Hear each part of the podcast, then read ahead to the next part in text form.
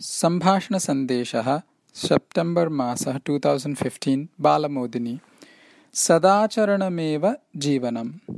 जीवनं नाम किम् इति ज्ञातुम् इच्छन् कश्चन सर्वत्र अटितवान्।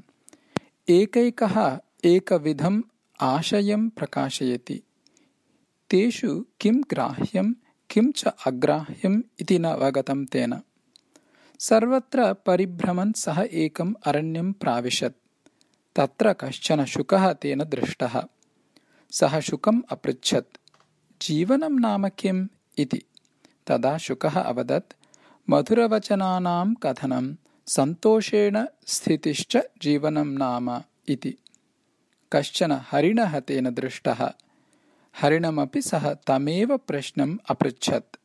तदा हरिणः अवदत् जीवनं नाम धावनम् अन्नार्थम् आश्रयार्थं जलार्थं च धावनम्। आत्मरक्षणार्थम् अपि धावनमेव शरणम् इति। अग्रे गतः सः शशं दृष्ट्वा जीवनं नाम किम् इति अपृच्छत्। तदा शशः अवदत् जीवनं नाम सङ्घर्षः इति। ततः अग्रे तेन नदी काचित् दृष्टा। जीवनविषये तेन पृष्टा नदी अवदत् जीवनं नाम प्रवहणम् समृद्धिकल्पनं स्वच्छतापरिरक्षणं च जीवनम् इति। कञ्चित् वृक्षमपि सः अपृच्छत्। वृक्षः अवदत् परोपकारः एव जीवनम्। अन्यस्मै यावत् दीयेत तावत् सार्थक्यम्। एकं बीजमपि सः एतमेव प्रश्नम् अपृच्छत्। तदा बीजम् अवदत् सत्त्वयुक्तता विकासश्च जीवनम् इति तावता तेन कश्चन उलूकः दृष्टः। तेन पृष्टः उलूकः अवदत् जीवनं नाम निगूढता।